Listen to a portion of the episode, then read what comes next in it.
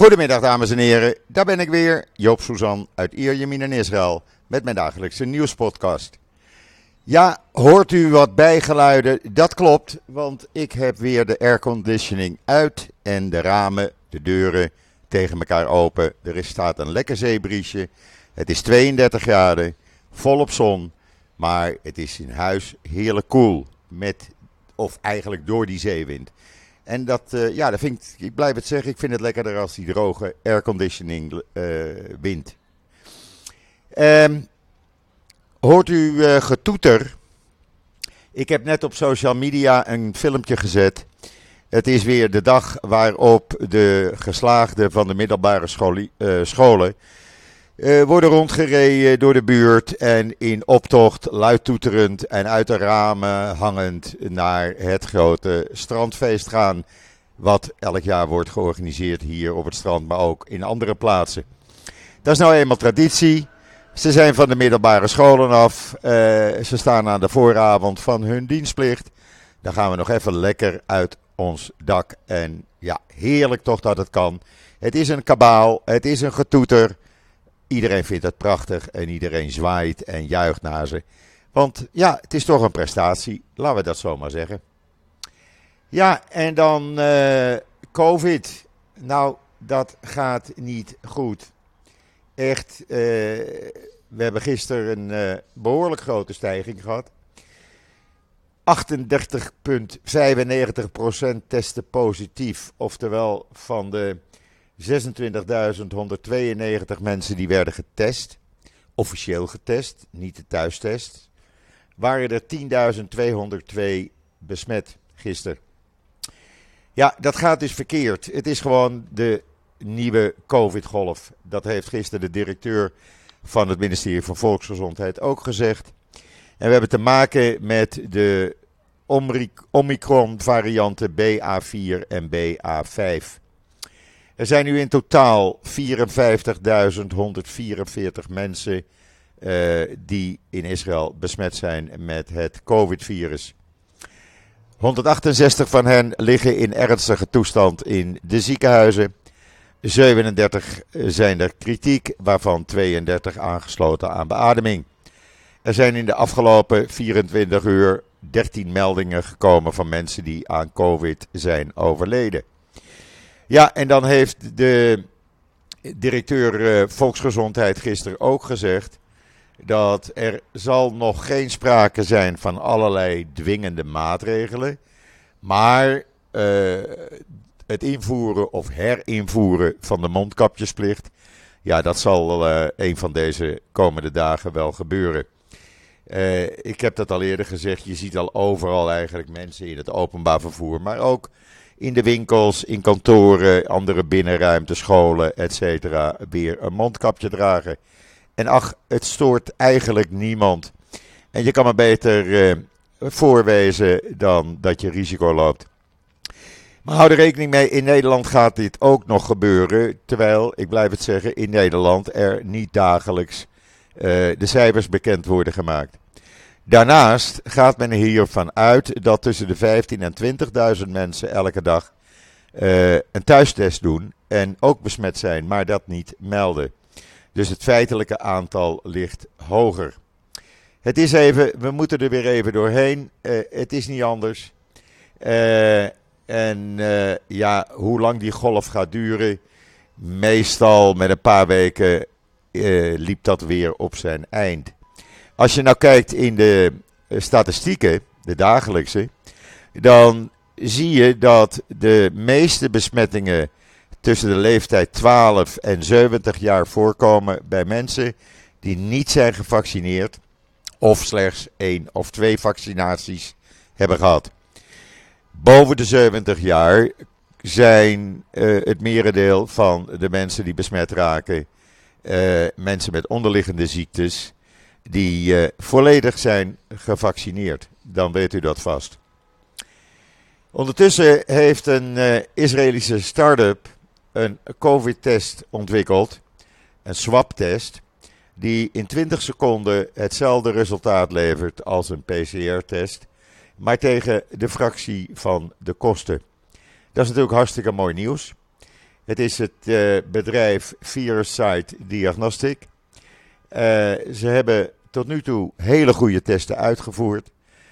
bijna 93% uh, kwam net zo goed uit de verf als bij een PCR-test. En uiteindelijk na correctie bleek het 96,8% te zijn. U kunt het allemaal lezen op uh, israelnieuws.nl. Het is een joint venture trouwens, dat bedrijf, tussen het Sheba Medical Center en Newsite Imaging. Uh, wat hebben we nog meer voor nieuws? Nou, een heleboel, want gisteravond ik was wel eventjes onder de indruk.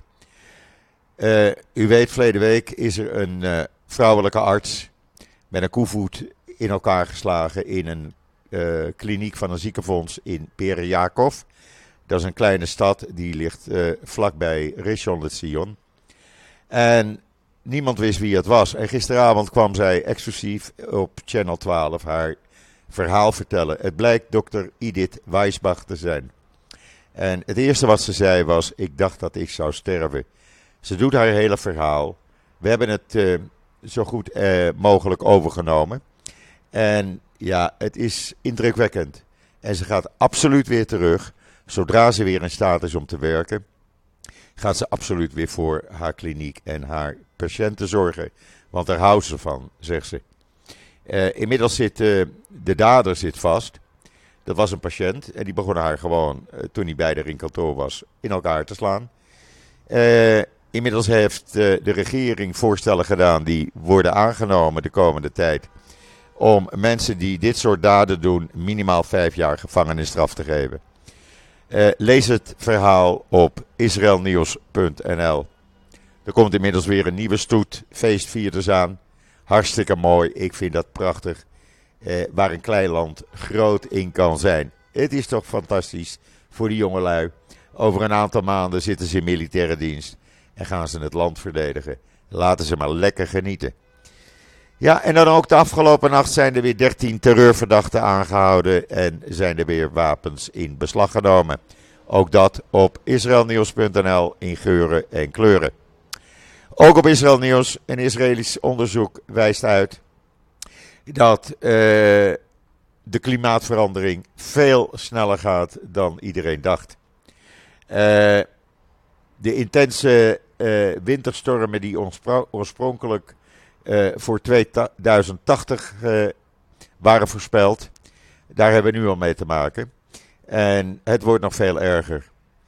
Uh, dat onderzoek, het staat in israelnieuws.nl en je wordt er niet blij van, kan ik je eerlijk zeggen.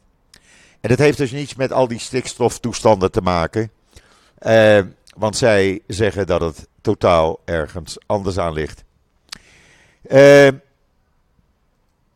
wat hebben we nog meer? Ja, iets heel moois gisteren in Zeeland. De Joodse gemeente Zeeland kreeg gisteren een nieuwe Torahrol. Nou, dat is altijd iets heel bijzonders. En het is voor het eerst sinds de oprichting in 1705 dat die Joodse gemeente een nieuwe Toraalrol kreeg. En wat is nou het mooie hieraan? Hij is geschreven in Jeruzalem. Het wordt met de hand op perkament geschreven. En de laatste letters werden gisteren in Zeeland door een aantal uh, daarvoor uitgenodigde mensen, waaronder de opperbijn Jacobs, uh, in de Torahrol uh, geschreven. En hij is nu in gebruik genomen officieel. Er zit ook een filmpje bij van Omroep Zeeland. Ik vind het prachtig om te zien. Ga maar even kijken, dan kan je even genieten. Ja, en dan hebben de IDF en Israëlische politie vanmorgen nog een wapensmokkel voorkomen. En 13 uh, geweren en pistolen en kalasnikovs in beslag genomen. En de daders die zitten vast achter tralies. Ja, en dan vanmorgen konden weer honderdduizenden ouders niet naar hun werk. En dat merk je dan gelijk aan de files. Want er werd opnieuw gestaakt. Uh, en dat hield in dat de scholen pas om 10 uur beginnen. Of zijn begonnen. Men wil een salarisverhoging. Landelijk werd er gestaakt. De regering geeft nog geen uh, maar het zal toch op een gegeven ogenblik zullen ze iets moeten gaan doen. Uh, Lieberman heeft wel wat voorstellen gedaan. Maar ja, zoals dat altijd gaat, uh, er moet eerst gesproken worden. En de onderwijzersvakbond wil eerst eens laten zien hoe sterk ze wel zijn. Het salaris is niet echt heel hoog en daar kan je geen gezin van uh, onderhouden. Dus het wordt tijd dat die onderwijzers en onderwijzeressen een salarisverhoging krijgen. Maar goed, de files zijn dus wat minder daardoor. Nou, zo heeft elk nadeel een voordeel. Ja, en dan ging er vannacht in Jeruzalem, in de veel wijken en in Eilat plotseling het luchtalarm af. En niet eventjes, nee, dat duurde een uur. Een uur konden de mensen eh, niet slapen, werden ze wakker gehouden. En wat blijkt? Volgens het Nationaal Cyberdictoraat is het een uh, cyberaanval van Iran. Die zit daarachter. Die uh, heeft ingebroken in het computersysteem. Hoe dat precies verder moet en gaat, het is nog niet bekend. Maar er zal nog wel meer nieuws over bekend worden. En dan de Palestijnen.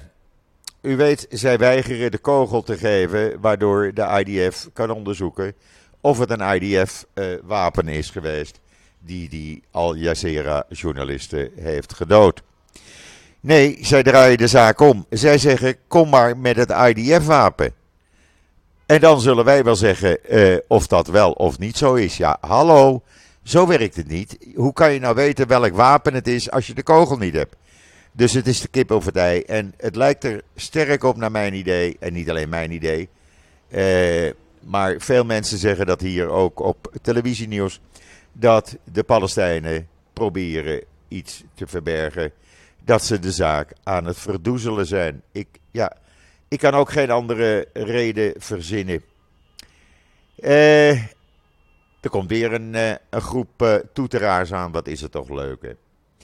Ja, ondertussen is er nog steeds angst voor een aanslag van Iraanse commando's in Turkije.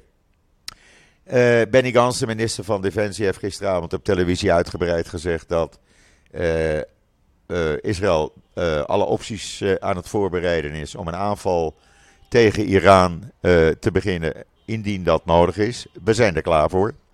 Men waarschuwt nu ook Israëli's die in Egypte, Jordanië of Bahrein zijn. Ja, ik denk zo kan je wel alle Israëli's in het buitenland waarschuwen. Want het kan net zo goed een Israëlisch commando of een Iraans commando in Nederland of België zijn. En uh, ja, het blijft natuurlijk een linker, een linker toestand. Uh, ondertussen zitten er nog steeds 2000 Israëli's in Istanbul. Uh, president Herzog heeft met Erdogan gesproken, hem bedankt voor alle hulp en inzet. Want er wordt goed samengewerkt met de Turkse veiligheidsdiensten. En uh, minister van Buitenlandse Zaken Lapid gaat waarschijnlijk donderdag even voor een paar uur naar Turkije om met zijn Turkse ambtgenoot te overleggen. Vandaag trouwens, wen er maar aan dat het heel normaal wordt. Vandaag is de minister van Binnenlandse Zaken even voor een kort bezoek naar haar ambtsgenoot in Marokko vertrokken. Zij gaat praten over de mogelijkheid om Marokkaanse constructiewerkers, bouwvakkers, uh, op contract naar Israël te krijgen. Ja, er moet hier gebouwd worden. Uh, we komen handen tekort. En uh, als dat uit Marokko kan, prima toch?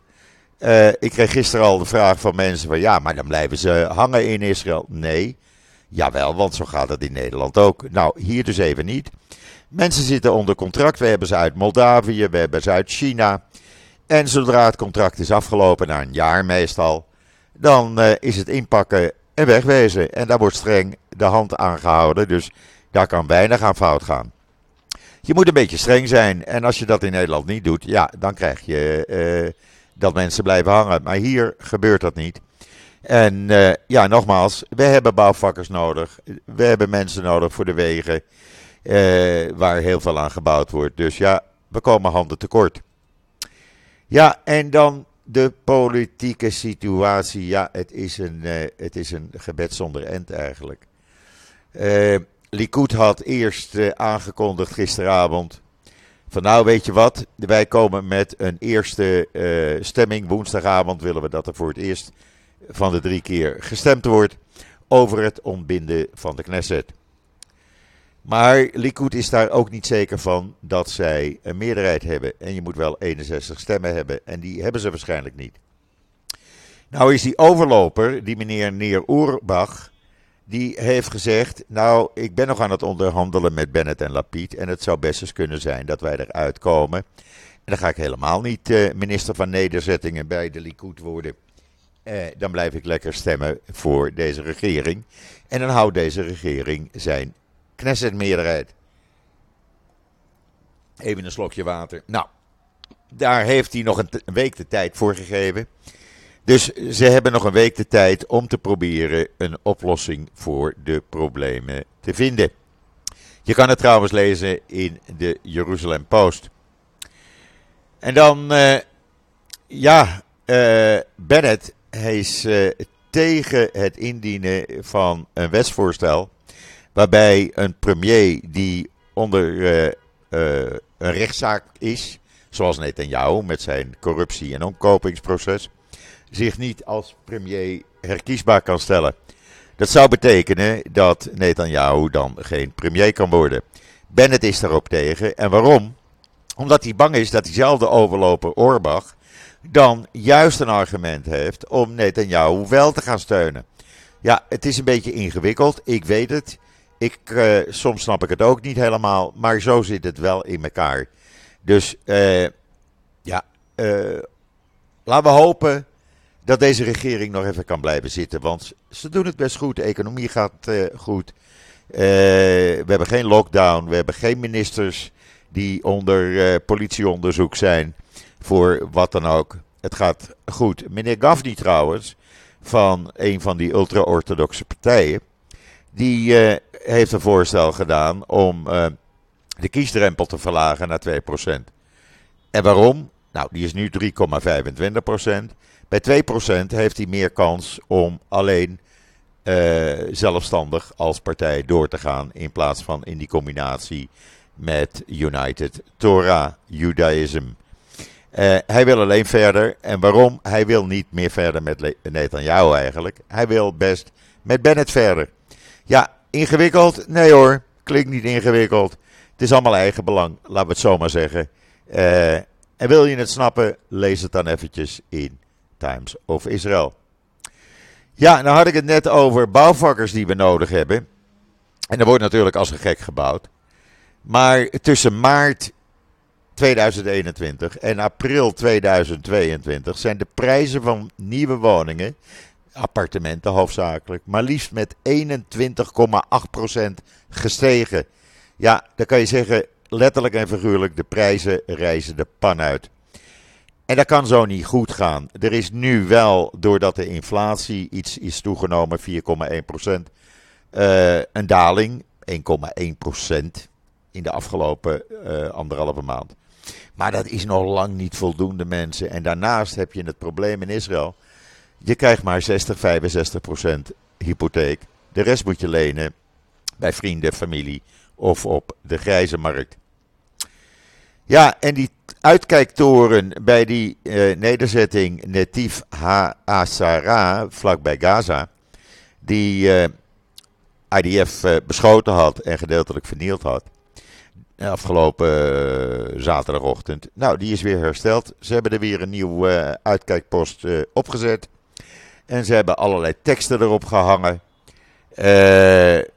ja, IDF heeft zijn werk niet goed gedaan. Die moeten echt uh, nog even aan de gang.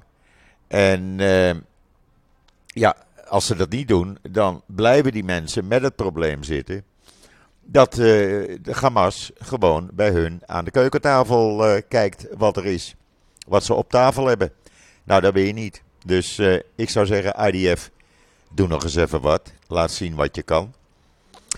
Ja, en dan de man, de IDF-veteraan die PTSD had.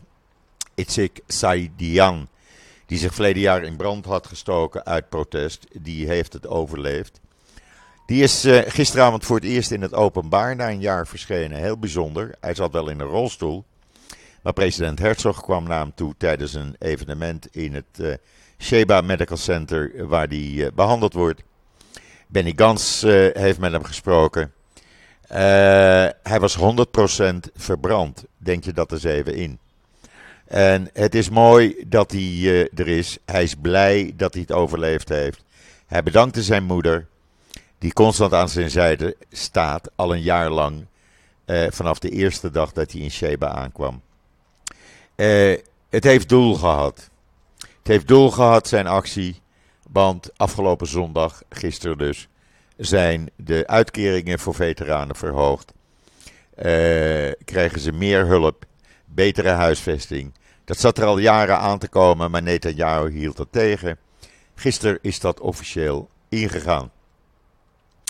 Ja, en dan meneer Macron met zijn grote mond. Die uh, kan een iets mindere grote mond nu op gaan zetten. Dat moet hij eigenlijk wel. Want hij heeft zijn absolute meerderheid in het Franse parlement verloren. Hij, alsof, hij heeft nu 245 zetels in plaats van de minimum 289 voor de meerderheid. Uh, hij is nu afhankelijk van een, uh, ja, een rechtse uh, parlementaire groep, de Repu Republikeinen. Of dat gaat gebeuren, ik weet het niet. Hij kan in ieder geval niet meer doen wat hij altijd deed. En dan Israëlische analisten die zeggen dat Rusland Israël gebruikt, kritiek op Israël, om de wereld af te leiden van de oorlog met Oekraïne. Of dat zo is, het zou best kunnen. Uh, Rusland heeft aangekondigd een VN-resolutie in te dienen tegen Israël vanwege die bombardementen op dat vliegveld van Damascus. Het zou best kunnen. Ondertussen heeft de ambassadeur van Oekraïne gisteravond uh, grote kritiek op de Israëlische regering uitgeoefend. Want hij wil dat Israël gewonde Oekraïnse soldaten gaat behandelen. En dat doet Israël niet. En hij, uh, hij eist eigenlijk dat uh, soldaten die lichaamsdelen hebben verloren hier in Israël worden behandeld, omdat Israël daar natuurlijk de meeste ervaring mee heeft. Ja, het is een politiek verhaal. Ik weet niet wat er achter de schermen gebeurt en ik ga me daar ook verder niet in mengen. En dan nog even dit. Wat hebben we gisteravond genoten van Max Verstappen? Hij flikte toch maar weer. En hij werd toch weer mooi winnaar gisteravond tijdens die spannende race in Canada. Ik heb ervan uh, van genoten. Het was een latertje, want we leven natuurlijk hier later dan in Nederland, een uur. Uh, maar het was uh, geweldig. En ik hoop over twee weken in Engeland dat hij weer een goede prestatie neer gaat zetten.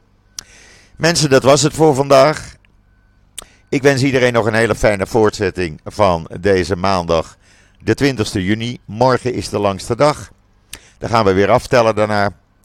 Ik ben er morgen weer en zeg zoals altijd: tot ziens, tot morgen.